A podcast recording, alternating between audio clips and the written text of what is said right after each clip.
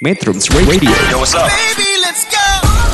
All that you want. All that you can have, boy.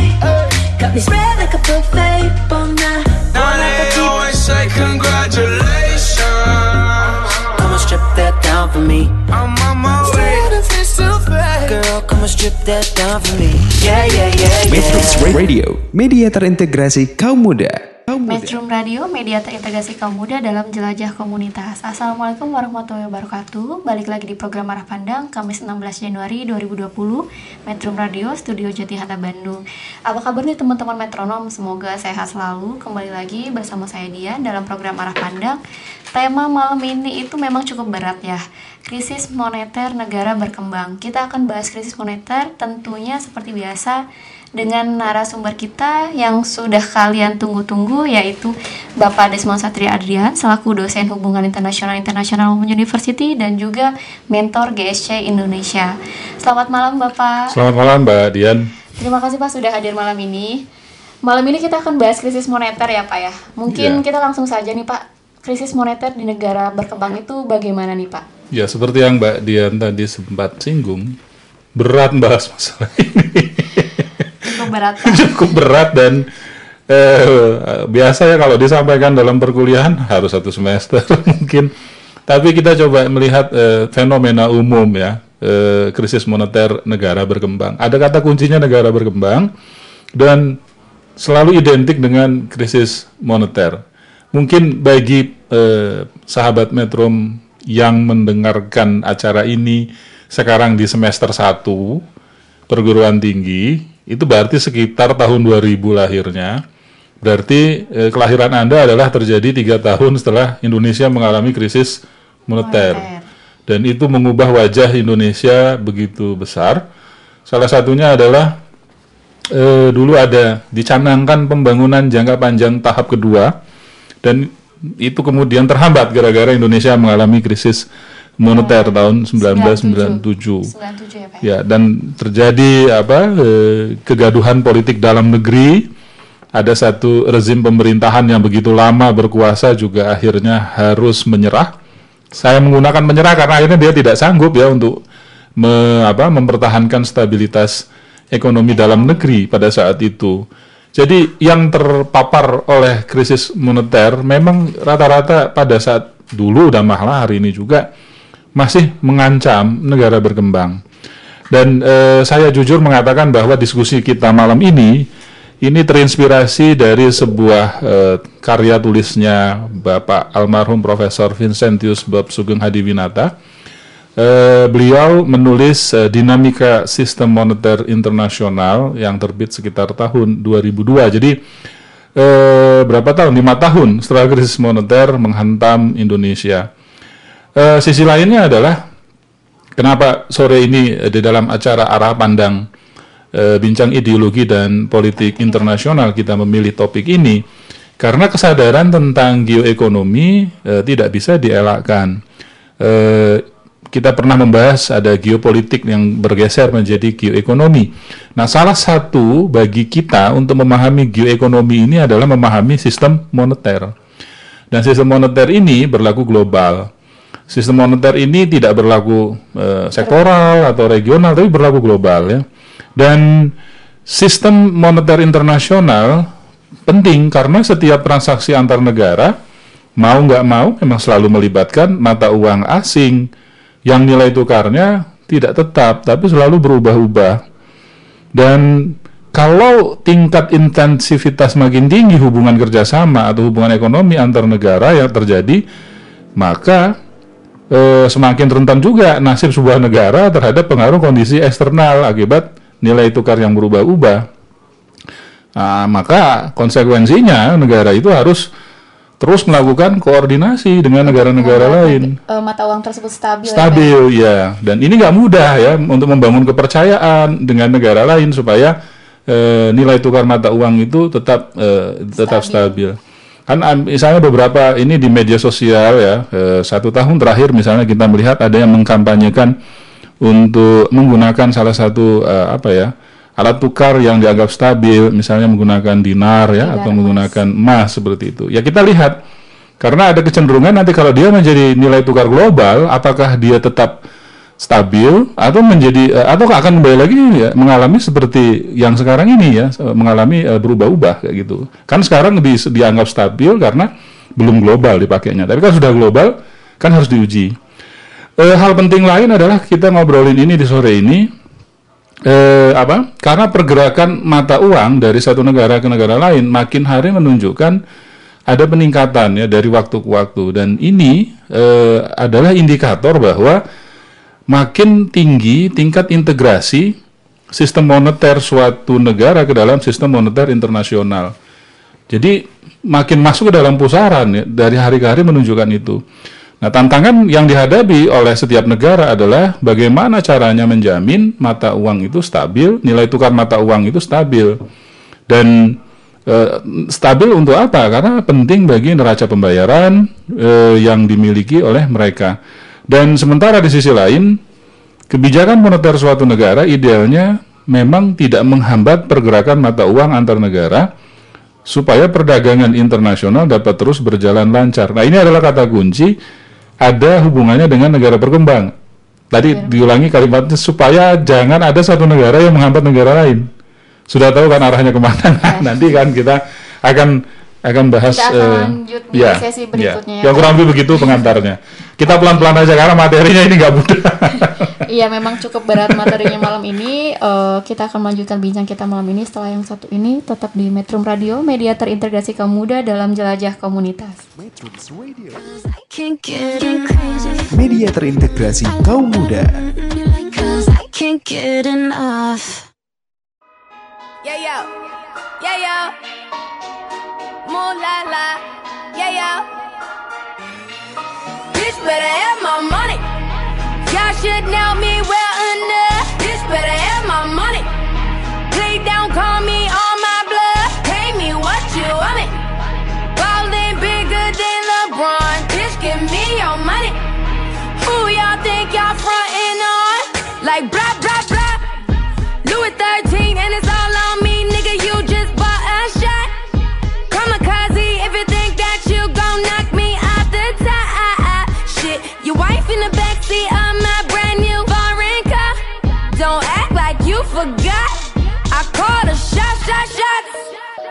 Like blah, blah, blah.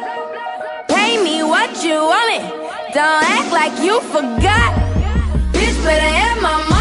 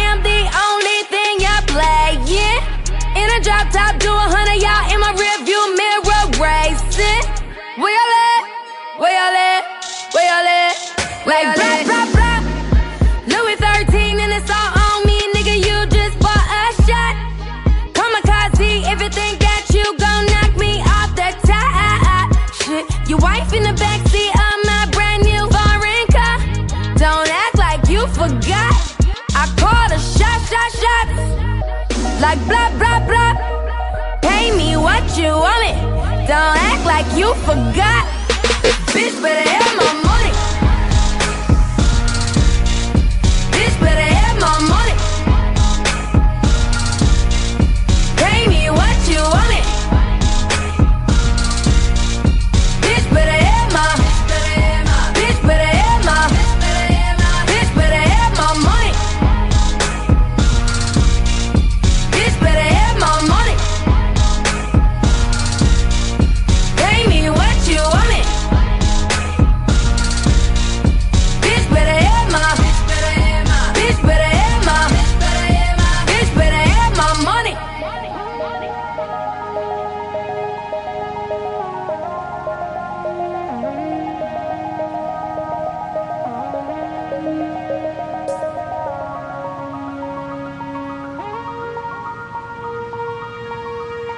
мечтали, мама.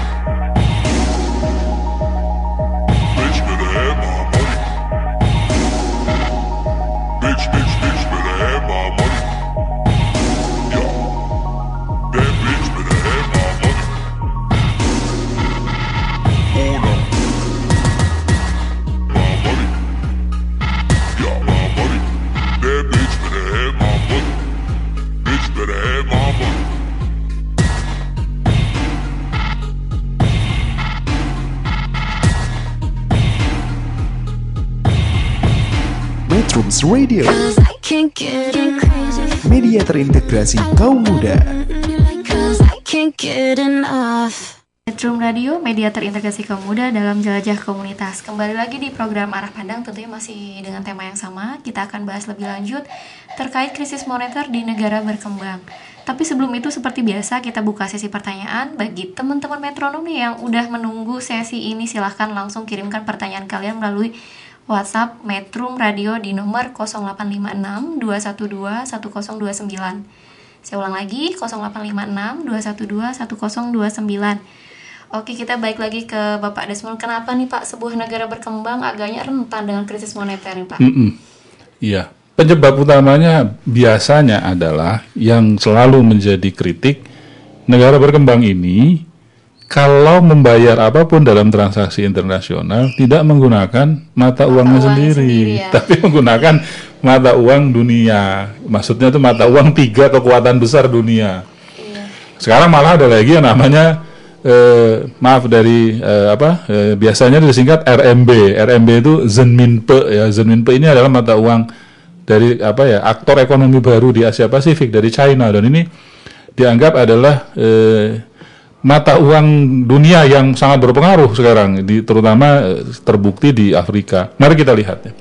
Eh, membahas persoalan krusial moneter di negara berkembang eh, yang dihadapi maksudnya oleh negara-negara berkembang karena posisi negara berkembang ini di dalam sistem internasional yang pernah kita bahas dulu itu ada di pinggir, pengaruhnya kecil.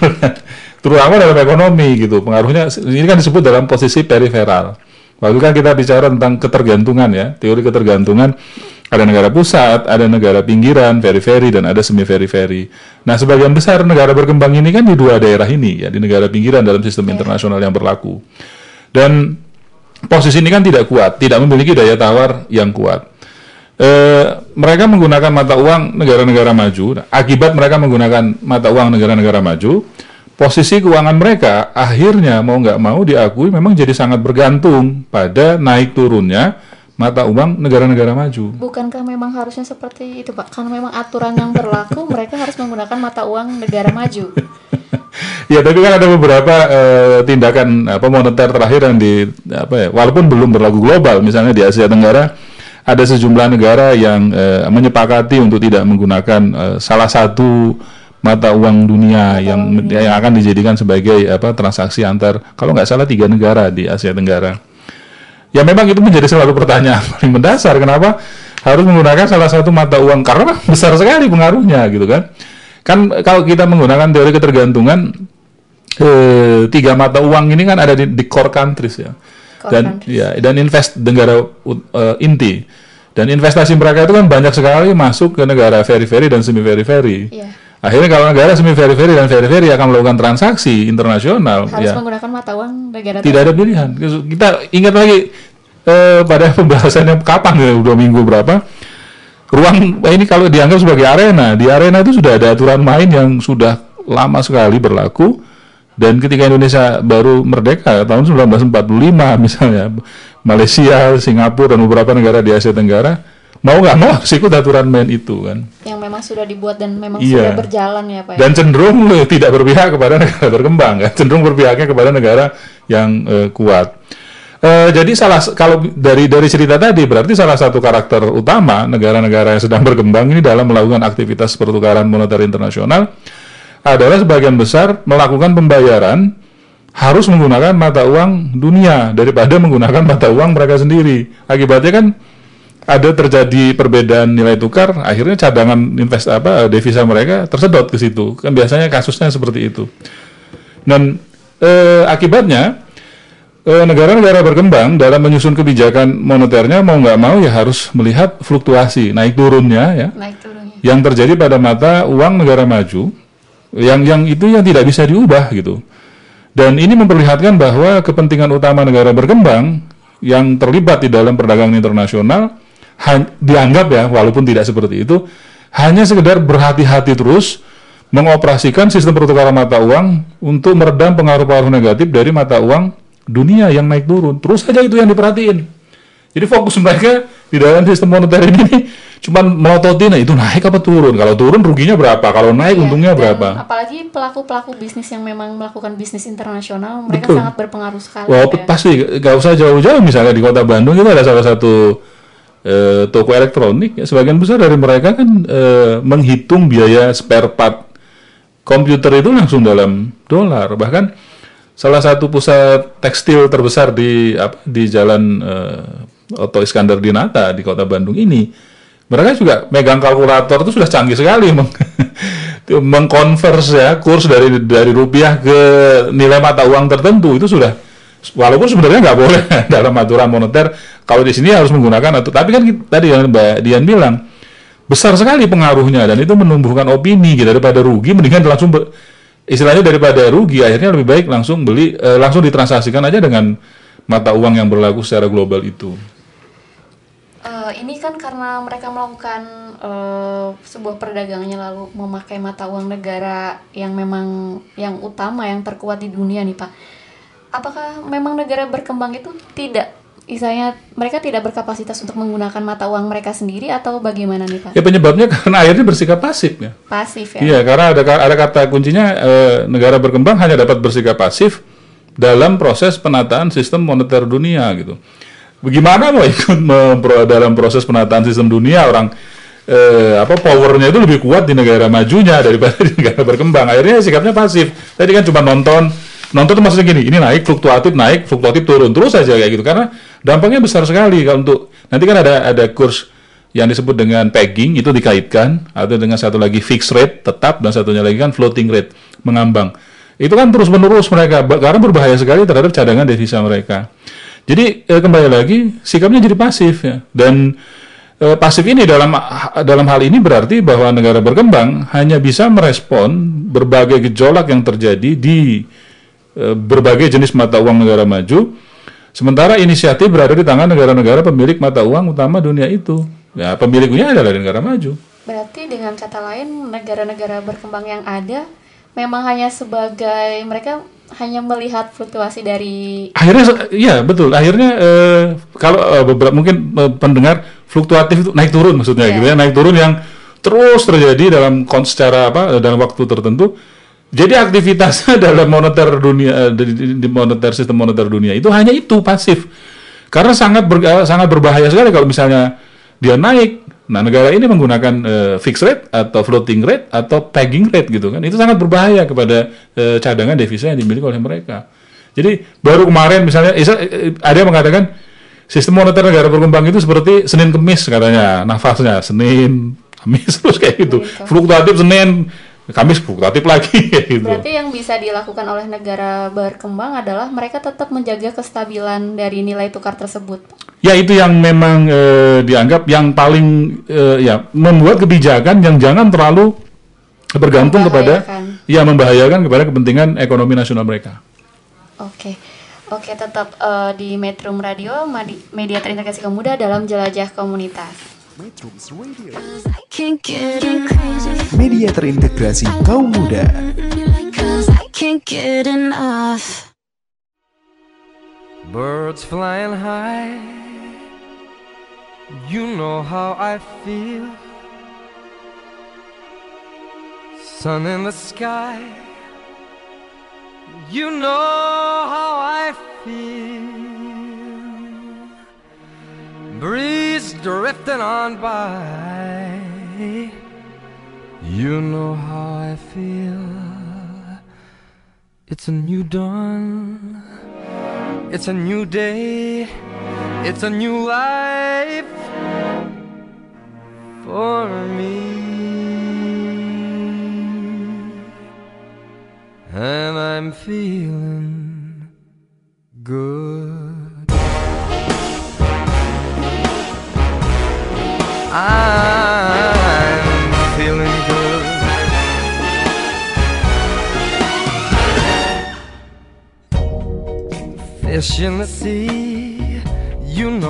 I feel.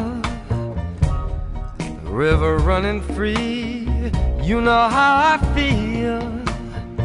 Blossom on a tree, you know how I feel. It's a new dawn, it's a new day, It's a new life for me. And I'm feeling good.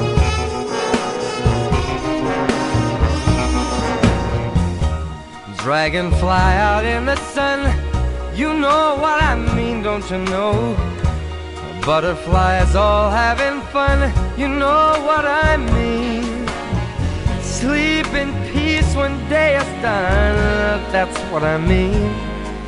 And this old world is a new world and a bold world for me. Uh,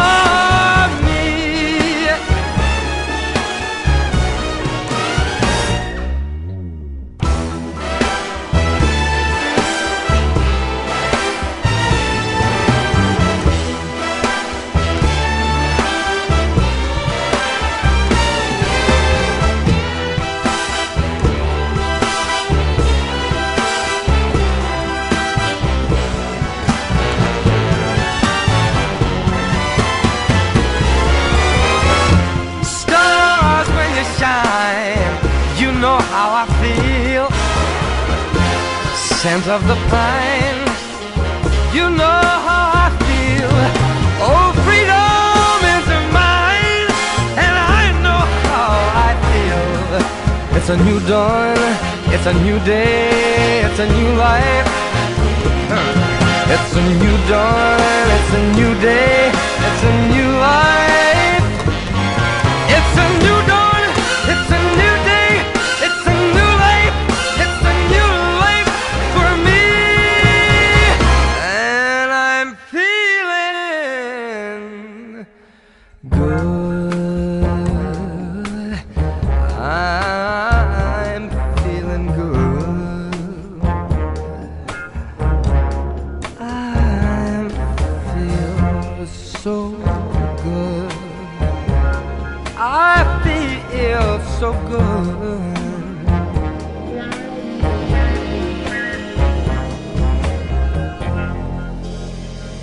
Metrums Radio, Cause I can't get enough. media terintegrasi kaum muda.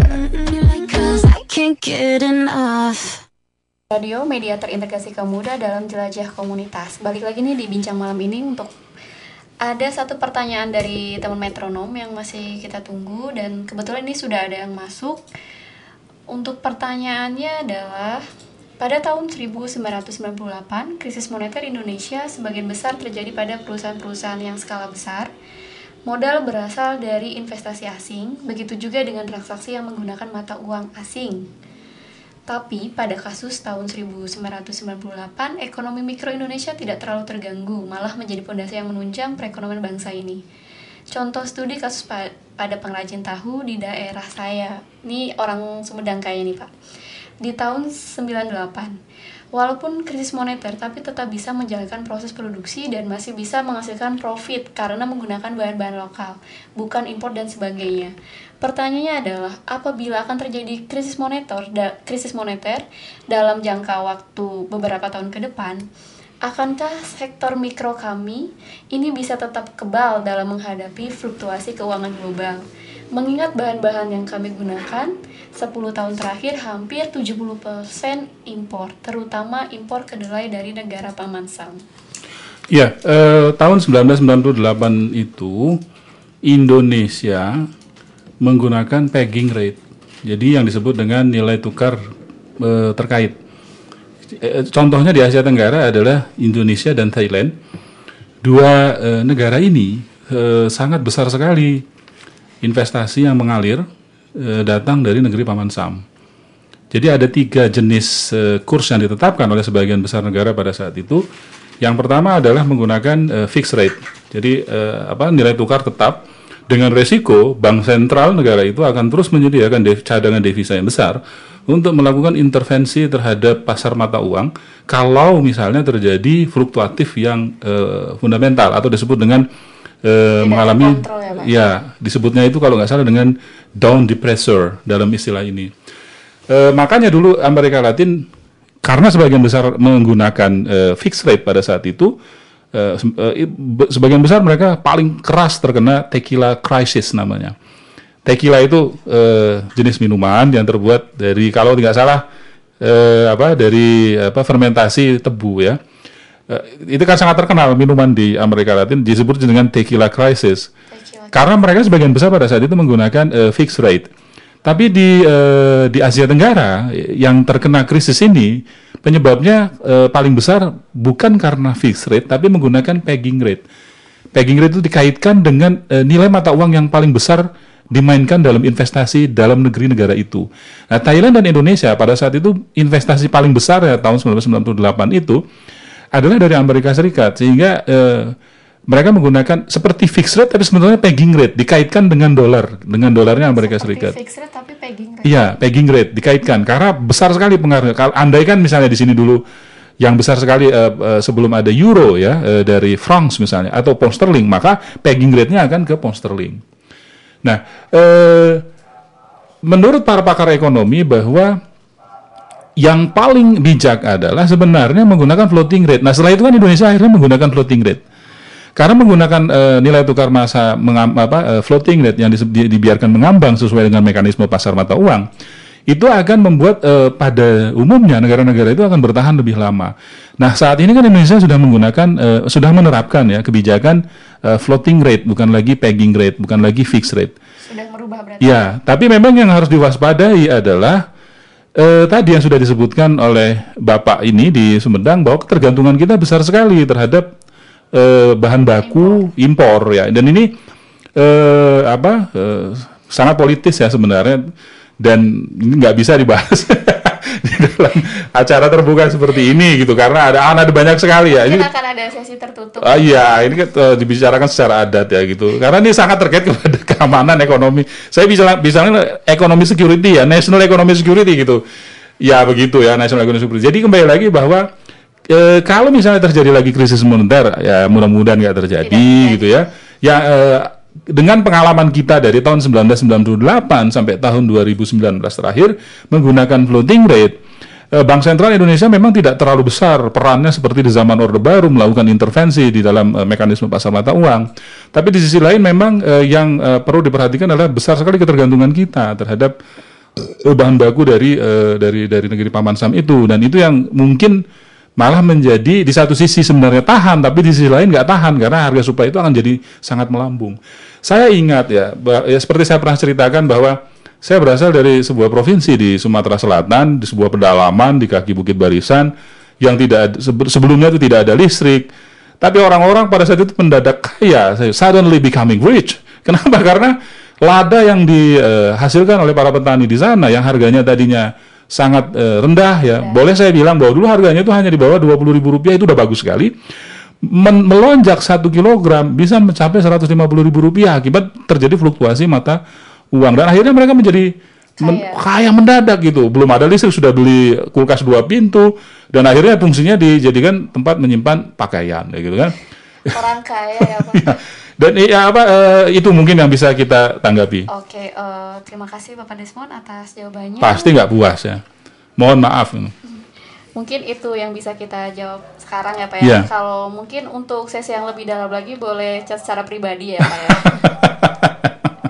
mungkin kita kembali lagi Pak eh, ke pembahasan terhadap krisis moneter di negara berkembang. Iya. Sebenarnya alasannya itu kenapa Pak kita tuh eh, negara berkembang rentan dengan krisis moneter?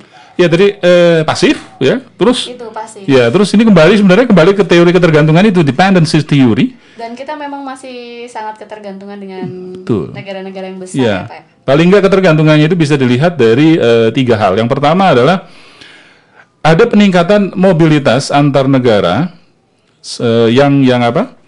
Yang terutama menyangkut aliran masuk modal ke negara berkembang. Tadi yang sudah disinggung dari negara core countries Ke negara mobilitas eh, eh, apa tinggi sekali ya investasinya masuk ke daerah di semi periferi dan periferi. Eh, hal ini terjadi sebagai eh, wujud dari liberalisasi sistem moneter dunia dan makin terintegrasinya pasar mata uang dunia. Dua hal ini kan sebenarnya dulu pernah kita bahas pada saat membahas GATT dulu baru WTO. Oh Eh, iya, kan- beberapa minggu lalu. Iya, kan target mereka dari GATT ke WTO itu adalah mengurangi hambatan-hambatan perdagangan internasional. Nah, salah satu yang harus dikurangi hambatan-hambatan perdagangan internasional itu demi mencapai liberalisasi perdagangan internasional adalah eh, apa melakukan sistem moneter yang yang disetarakan. Setara ini maksudnya bukan nilainya sama gitu, tapi diliberalisasi. Akhirnya kita kan kembali kepada pilihan mekanisme pasar uang yang berlaku liberal, bergantung kepada pasar eh, mekanisme mekanisme pasar uang. Kemudian yang kedua eh, integrasi mata uang dunia yang makin penetrasi ke berbagai lini di, di negara berkembang. Eh, ada data IMF yang dicuplik dari eh, apa bukunya Mas Bob ya bahwa dia beliau membandingkan pada tahun 1970-an dan 1980-an aliran modal asing ya ke negara berkembang dari negara maju itu nggak lebih dari 0,5 persen dari GDP total masing-masing negara kecil sekali. Jadi GDP masing-masing negara dikumpulkan, yang ngalir itu kecil sekali tahun 70-an dan 80-an. Karena memang ini kan dulu era geopolitik. Yang ditandai dengan Amerika Serikat masih be- besar sekali pengaruhnya di dalam perang Indo-China yang kedua ya di Vietnam. Eh tapi pada pertengahan dekade 1990-an itu meningkat jadi 3%. Karena kan ini pada saat itu perang dingin sudah berakhir, lalu isu geopolitik bergeser menjadi geoekonomi dan pada saat itu saya ingat sekali Indonesia eh, apa mengambil keputusan penting ya menurut saya penting karena Presiden Soeharto pada saat itu eh, bersedia menjadi tuan rumah pertemuan KTT APEC ya pada saat itu kan ketika perang dingin berakhir hampir semua negara yang terlibat dalam blok barat dan blok timur semua mencurigai siapa kawan siapa lawan. Kan sudah nggak jelas lagi mereka umumnya melakukan proteksionisme. Nah KTT APEC ini pada saat itu eh, bertujuan untuk membuka proteksionisme itu kan. Dan Indonesia bersedia tuan rumah pada saat itu. Dan ada peningkatan sampai 3% dan kemudian eh, menjadi 1,5 persen pada tahun 1998 turun lagi. Ya ketika krisis moneter melanda eh, banyak negara nggak cuma di Asia tapi juga di Amerika Latin. Yang tadi yang krisis tequila. Itu yang pertama katanya yang menyebabkan akhirnya muncul ketergantungan.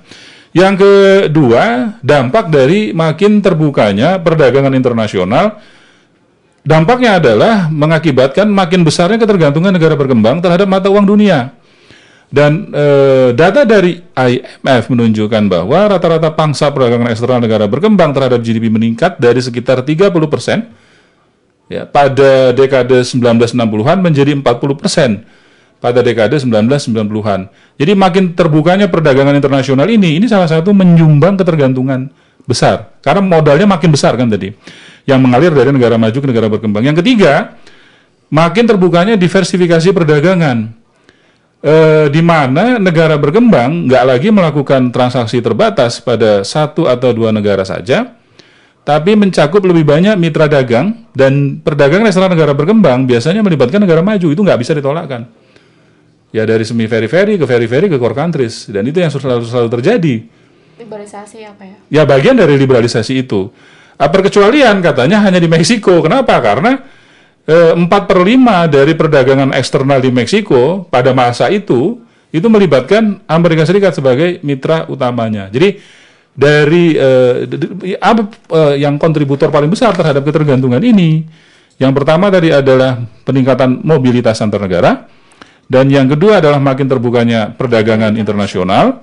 Dan yang ketiga, makin terbukanya diversifikasi perdagangan. Nah, sekarang ketergantungan ini eh, dampak yang paling eh, signifikan dirasakan oleh negara berkembang.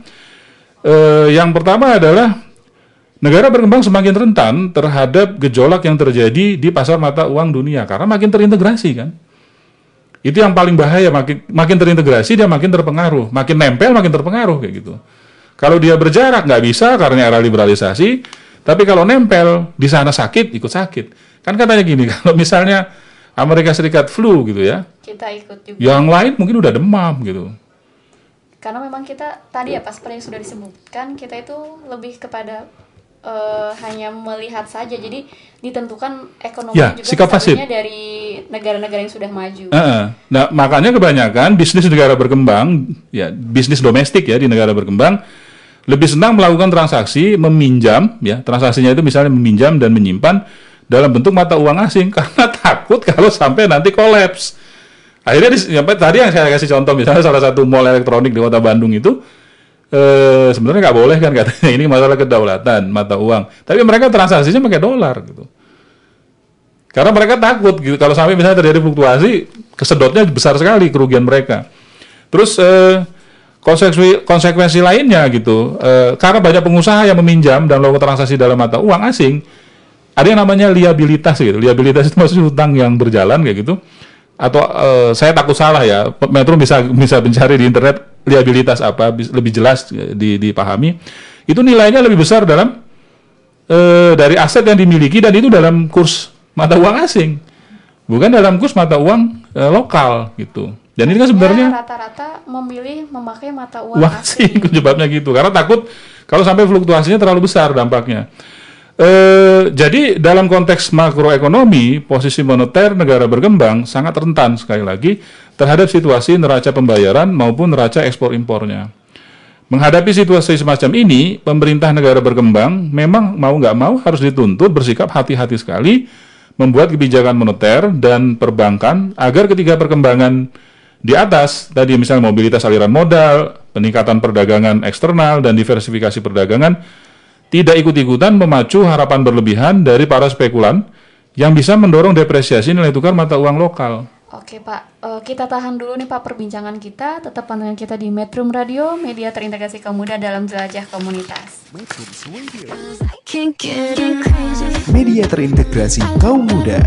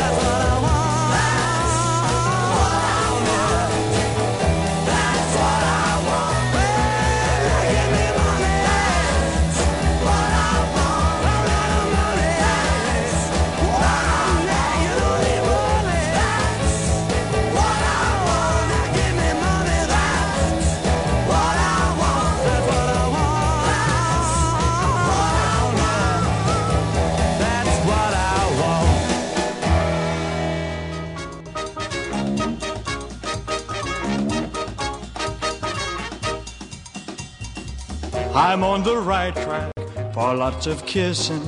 So that old greenback I won't be missing.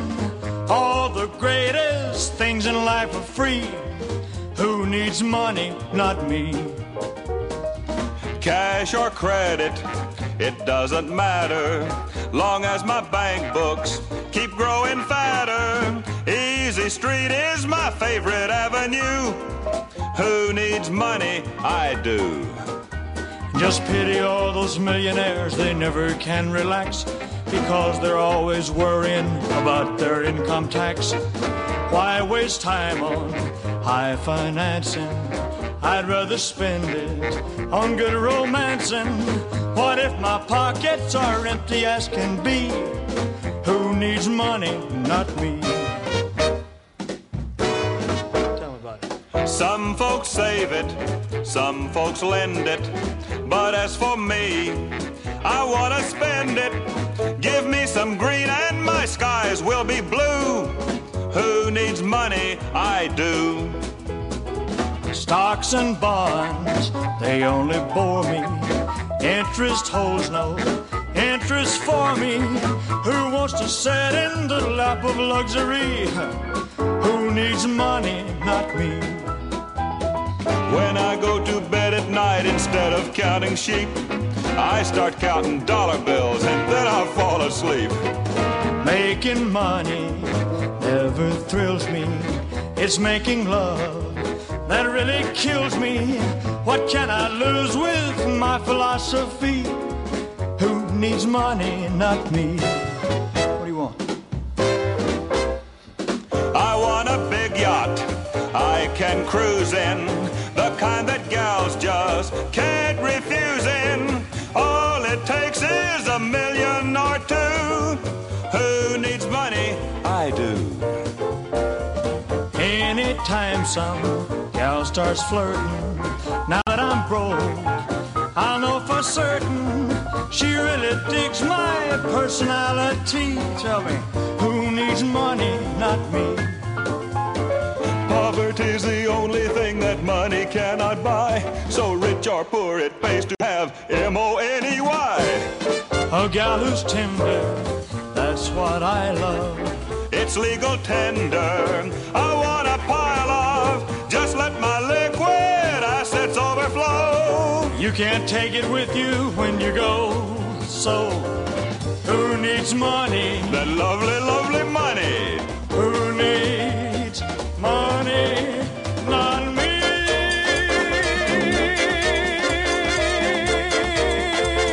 Metrums Radio, media terintegrasi kaum muda.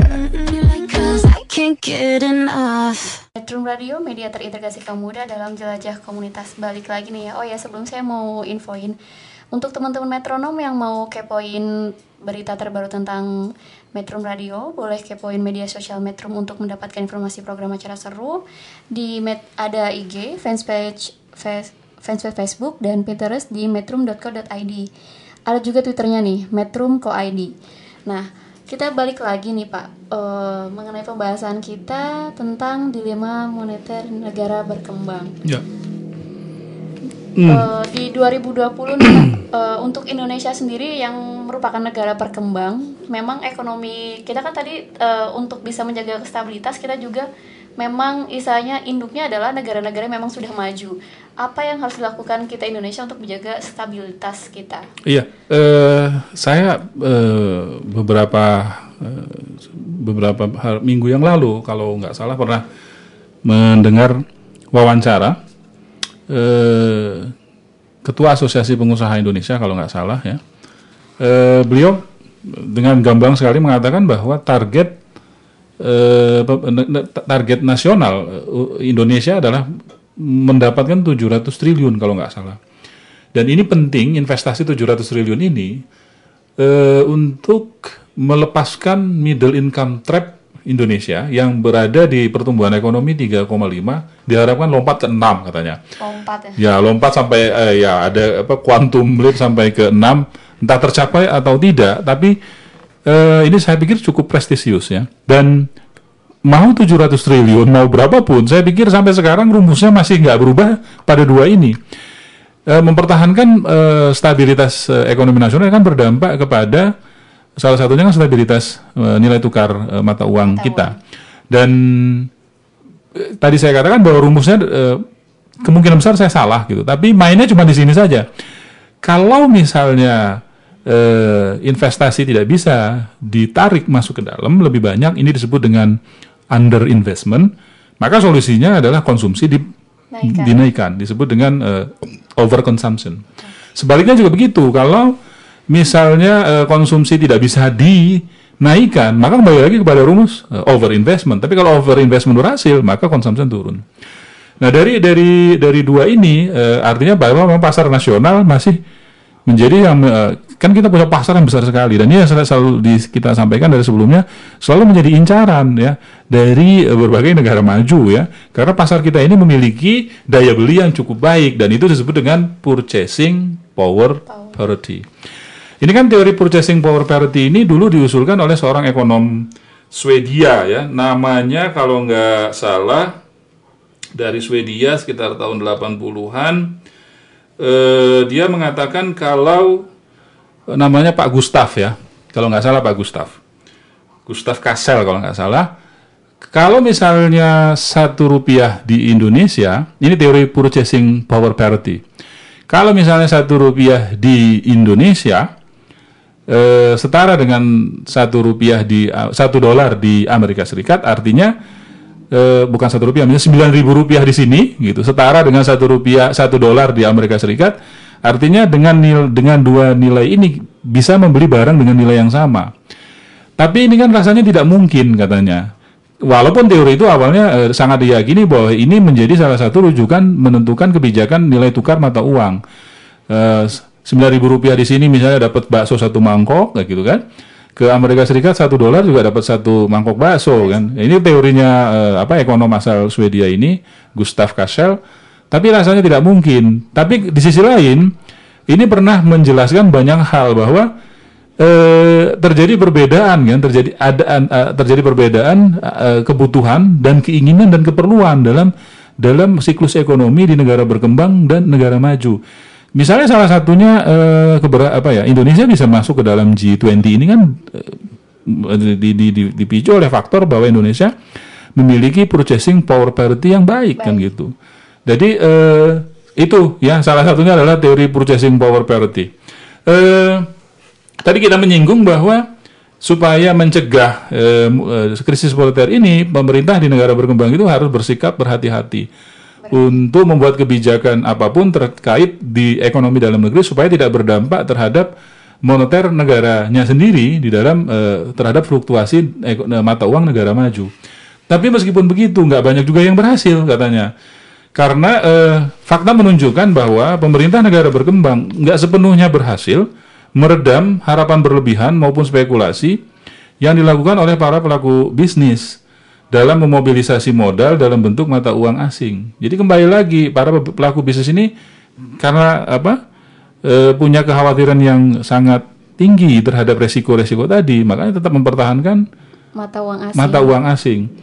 E, tahun 80-an itu yang terjadi seperti itu katanya di Amerika Latin.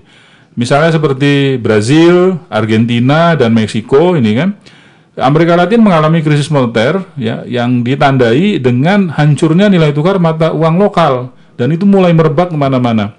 Ya tadi negaranya Brazil, Argentina, dan Meksiko adalah tiga negara Amerika Latin yang mendapat pukulan paling berat dalam krisis moneter dan ini dulu dikenal yang tadi sudah disebut sebagai tequila crisis. Tequila crisis. Ini terjadi di Amerika Latin dan menyebar ya sampai ke Asia bahkan merembet ke Eropa Selatan dan Timur. Nah ini yang kemudian menyebabkan negara-negara di Eropa Tengah, Eropa Timur pada saat itu bergejolak ya pada saat perang dingin mulai apa menemukan apa hari tuanya mereka lepas karena itu salah satu yang menyebabkan mereka nggak bertahan di dalam uh, struktur ekonomi yang dibangun oleh uh, blok timur saat itu. Uh, di Asia sendiri ya Indonesia, Thailand, Filipina, Korea Selatan, Turki, Malaysia dan Rusia juga termasuk merupakan negara yang mendapat pukulan terberat kasus Indonesia sendiri ya tahun uh, itu katanya nilai tukar rupiah itu melorot tajam ya dari awalnya 2.200 per satu dolar pada saat itu kan menggunakan pegging rate ya pada bulan Juni 1998 melorot jadi 17.000 rupiah dan pada bulan Juli 2000 melorot lagi jadi uh, turun lagi ya jadi 9.200 dan kembali lagi Juni 2001 jadi 11.300 mungkin sebagian besar kita pernah ingat bagaimana heroiknya Presiden almarhum B.J. Habibie ya, yang berhasil memberi keyakinan besar kepada salah satu bank besar di Eropa untuk mau membantu eh, apa Indonesia menstabilkan perbedaan kurs mata uang ini. Saya takut salah, cuman para pendengar bisa mencari lebih lanjut Boleh di aja boleh ya, di searching ya dari berapa sampai ke berapa. Kayaknya yang tequila crisis ini juga cukup berpengaruh ya Pak ya. Butuh dipelajari lebih dalam lagi ya. Itu salah satu eh, betul harus dipelajari lebih dalam supaya jadi pengalaman tidak diulangi oleh kita. Itu makanya sekarang dampak dari tequila crisis itu banyak yang mengatakan Amerika Latin eh, apa ya akhirnya cenderung selalu ideologinya jadi ekonomi sosialis gitu karena mereka betul-betul mengalami dampak negatif dari liberalisasi ekonom. Kasus lain misalnya Maduro ya, kemudian ah, banyak lah Bolivia, Chili, hampir semua negara Amerika Latin kan selalu ada pertanyaan mengapa negara Amerika Latin cenderung sosialis kayak gitu. Karena ya itu makanya kita harus eh, apa mungkin meluangkan waktu lebih cukup ya untuk mempelajari bagaimana negara-negara di Amerika Latin eh, apa bertahan dalam gempuran sistem moneter yang sangat tidak pasti itu. Oke Pak, kita skip dulu. Ini memang cukup berat ya, memang fluktuatif angka yang memang angkanya terus dipantengin kita dan memang sangat berpengaruh. Jangan ke mana-mana ya, teman-teman Metronom, tetap di Metrum Radio, media terintegrasi kaum muda dalam jelajah komunitas. Media terintegrasi kaum muda.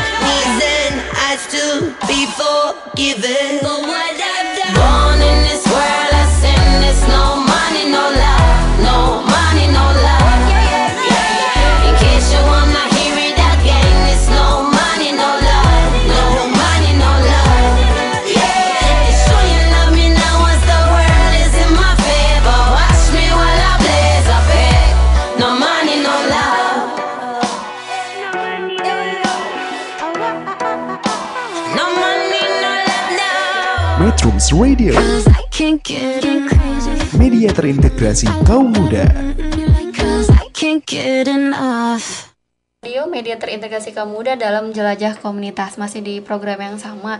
Nah, saya mau infoin juga buat teman-teman metronom yang hari ini nggak sempat dengerin kita secara langsung, boleh dengerin kita di podcast rekaman audio talk show-nya ada di radio Metrum Radio di Anchor FM ataupun bisa dengerin di Spotify. Oke, kita balik lagi nih Pak eh, terkait dengan krisis moneter yang terjadi di negara berkembang. Kira-kira apa nih Pak yang menjadi pilihan dan bagaimana negara tersebut bisa membuat sebuah kebijakan memang jangan sampai kita rentan terhadap Ya. krisis moneter. Baik, eh, kalau dalam eh, apa pembahasan sistem moneter di negara berkembang, tadi sudah benarkah eh, negara berkembang bersikap pasif sudah terjawab tadi. Terus eh, para pakar ekonom biasanya menyarankan bahwa memang eh, pilihan kebijakan eh, untuk membuat eh, apa eh, menghindari kerentanan ya sistem moneter negara berkembang adalah pilihan mengambang atau mengait katanya. Nah, yang biasanya disarankan oleh mereka adalah eh, mengambang karena mengambang ini eh, keterkaitan eh, apa ya eh, integrasi bank sentral yang harus melakukan intervensi itu lebih kecil terhadap kalau misalnya menggunakan fixed rate. Tapi emang sebagian besar sekarang sudah meninggalkan fixed rate dan sudah menggunakan floating, rate. Jadi eh, memang mereka ini eh, para pakar ini mencoba mengaitkan resistensi suatu negara terhadap krisis moneter dengan jenis kebijakan nilai tukar mata uang tertentu. Menurut para pakar ini, negara yang mengadopsi kebijakan nilai tukar mengambang pada umumnya lebih tahan menghadapi krisis moneter daripada negara-negara yang mengadopsi kebijakan nilai tukar terkait. Itu yang tadi sudah kita singgung sebagian besar menggunakan eh, mengambang. Cuman dampak, eh, cuman sisi lain adalah eh, apakah semua negara memiliki cukup devisa untuk untuk melakukan eh, apa untuk bertahan dalam sistem mengambang ini gitu. Dan pada saat eh, ini eh, tumpuan akhirnya adalah memang mem- membangun mengurangi sedikit demi sedikit ketergantungan terhadap eh, negara Iya, eh, tadi yang sudah disebutkan oleh eh, penanya dari Sumedang tadi, harusnya memang lebih, ba- saya ini jadi utopis kalau memang nggak bisa diwujudkan gitu kan. Rasanya sulit sekali itu mengurangi ketergantungan, memenuhi kebutuhan dalam negeri melalui pasar dalam negeri. Walaupun nanti jatuhnya harganya jadi mahal. Tapi sebagian besar solusinya katanya seperti itu. Yang pertama adalah memilih mengambang. Lalu yang kedua adalah fokus kepada daya serap pasar dalam negeri yang tadi disebut dengan teori purchasing power parity. Terlepas dari masalah hubungannya dengan eh, menentukan apa kebijakan nilai tukar mata uang, tapi kalau pasar dalam negerinya stabil, tidak terlalu banyak tergantung terhadap investasi asing, katanya seperti itu. Ini seperti yang disampaikan oleh pidatonya Bapak Soeharto kemarin ya Pak ya. yang harus untuk tahun produk dalam 2020 negeri. mencintai produk dalam negeri. Ramalan dari beliau dan akhirnya memang kita sepertinya harus mulai mem- membuktikan itu dengan Iya. Mencintai produk-produk dalam negeri. Iya, dan sisi lain kan para pelaku bisnis pun kita yakin bahwa mereka sudah sadar sekali ya sejak krisis moneter sampai tahun 2019 ini mereka menyadari sekali bahwa eh, pemerintah eh, tidak memiliki cukup dana untuk melakukan intervensi menstabilkan kurs mata uang dan mereka juga harus mengur apa eh, mem- eh, sudah mulai memutuskan untuk mengurangi ketergantungan Terhadap dalam ya mata uang asing. terhadap mata uang asing.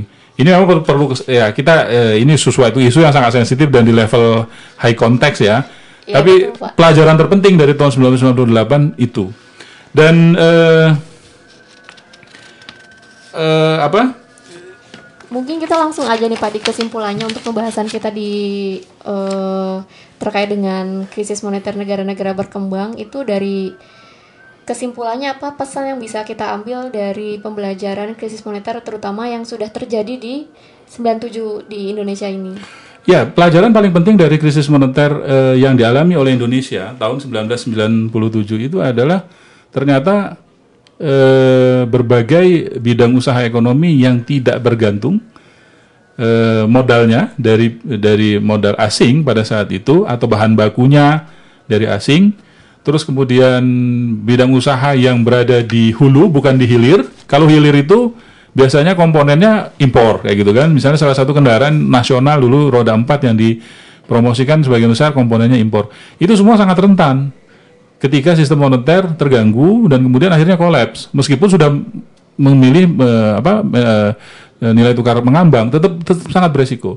Tapi yang yang eh, yang hal-hal yang tidak terkait bidang usaha pada tiga yang tadi itu sangat bertahan. Ya, seperti seperti yang tadi saya ceritakan di yang di kampung saya di Sumatera Selatan Bukit Barisan bertahan gitu. Petani karet bertahan, eh, apa usaha mikro bertahan gitu. Semua bertahan karena tidak tidak bergantung kepada bahan baku impor. Oke. Terima kasih Pak untuk malam ini. karena Artinya ekonomi sudah- kerakyatan adalah kembali lagi daya tahan ekonomi nasional. Oke. Tidak terasa nih Pak, udah satu jam kita bincang-bincang malam ini. Seperti biasa nih Pak, ada pesan mungkin Pak petua yang bisa disampaikan untuk kita dan teman-teman metronom yang sudah setia mendengarkan kita. Pesan saya masih sama dari dulu sampai sekarang, pertahankan Indonesia, persatuan Indonesia, wujudkan keadilan sosial, menangkan Pancasila. Oke, terima kasih Pak. Oke, selamat malam teman-teman metronom. Kita ketemu lagi di minggu depan. Tetap di Metro Radio, media terintegrasi kaum muda dalam jelajah komunitas. Metro Radio. All that you can have, boy. Got me spread like a buffet, bon night. always say congratulations.